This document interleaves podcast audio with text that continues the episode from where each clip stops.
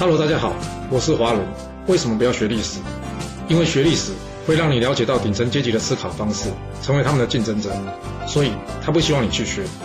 还有学历史会让你看到许多前人成功及失败的案例，你的竞争对手想要好好的睡个觉，所以他也不希望你去学。最重要的是，学历史会让你了解人性，你的老板以及同事都希望你保持天真的心，所以他们更不希望你去学。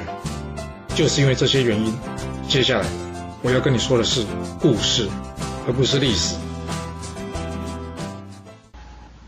今天的主题是别在老板面前说跳槽。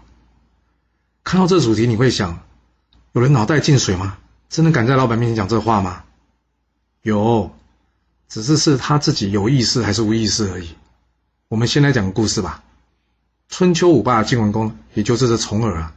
他在即位为国君之前，曾经在外头流亡十九年，而在他流亡生涯倒数的第二个国家呢，就是这个楚国啊。楚国的国君呢，对他非常的好。有一次呢，这楚国国君趁着吃饭的时候呢，故意开玩笑的问呐：“重耳啊，要是有一天你可以回到晋国，你会用什么东西来报答我楚国啊？”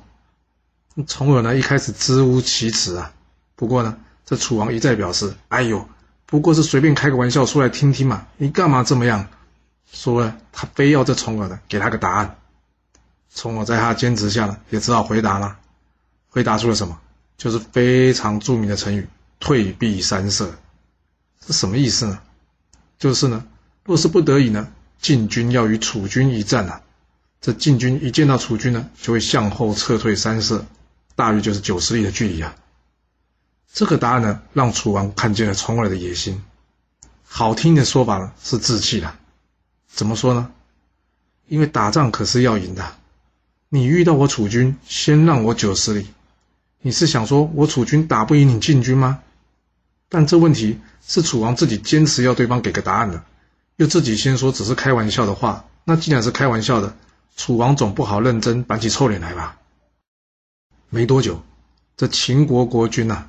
派使者到楚国来了，他告诉这楚王啊，说他们想要迎接重耳回到秦国，之后呢，打算送这重耳回到晋国去当国君。那楚王呢，把这重耳找来，问他说：“哎，重耳，秦国要找你回去，他要送你回晋国，这件事你看怎么办呢？”其实这个问题呢，是有带一点测试性的问题哎，因为你想哦，要是楚王原先就希望送重耳回晋国。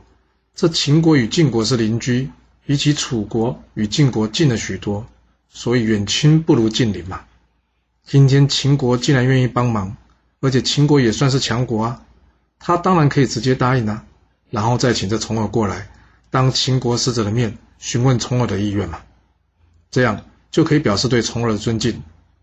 不过楚王却没这么做哎，他没直接答应哎，反而是呢直接去请重耳。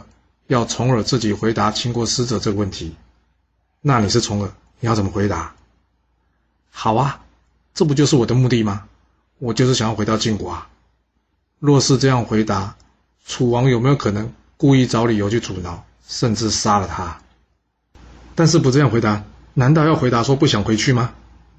你可以想想看，按下暂停，想一下。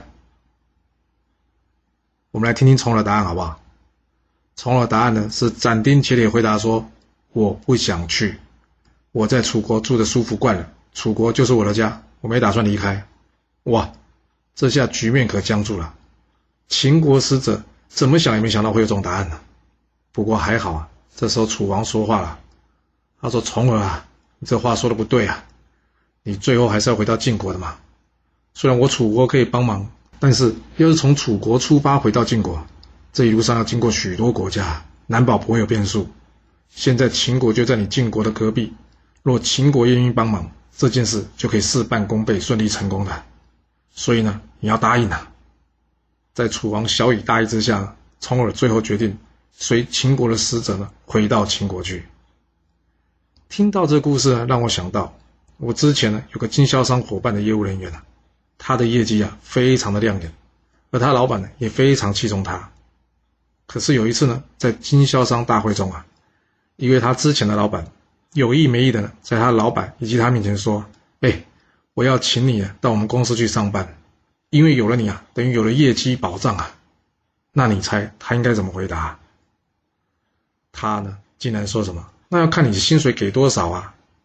虽然他后面马上接着说：“好了好了，别开玩笑了，你喝多了。”你听到这有没有听出来他回答内容有什么问题？想一下，我告诉你结果吧。结果是呢，他老板呢开始拿掉他的业务资源，处处与他为难。虽然他在缺乏资源的状况下呢，依旧表现的不错。不过最后呢，他还是因为受不了公司同事啊对他展开排挤啊，也就是霸凌啊，所以呢选择离开了那家经销商。听出来了吗？其实没有一个老板能接受员工对他的不忠心啊，就算是开玩笑也不行。若他一开始回答，而且是斩钉截铁的告诉对方：“你别闹了，我在这工作好好的，为什么要换呢？”或许这结局会有些不同啊。不过。说出去的话就是泼出去的水，收不回来了。不管他后来如何表现忠心，如何努力都没用。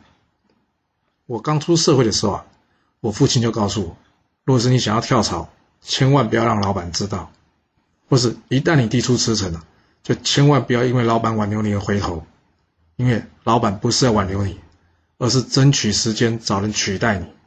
一旦你被取代了，你就很可能被整到你自愿离职。单纯的离职，也许有一天你还能再回到这公司上班。但要是离职提出之后呢，然后被挽留，通常很少有好下场了。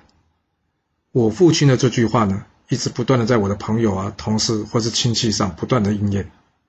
想想看呐，晋文公不过是做客他国，都还要对这个主人表示忠心。那我们领人家薪水了，怎么可以随随便便的让老板觉得我们的忠诚度有问题？你说是吧？若你有其他的想法，也欢迎留言给我哦。好啦，我们今天先说到这。如果你就是不听我的劝，想知道完整版的故事内容，你可以从说明栏找到我爱故事频道的连结。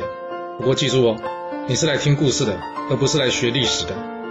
要是您喜欢这个频道，麻烦您动动您的手指，追踪、留言，或是给我五星评价的支持以及分享。谢谢您来收听，我们下次再见。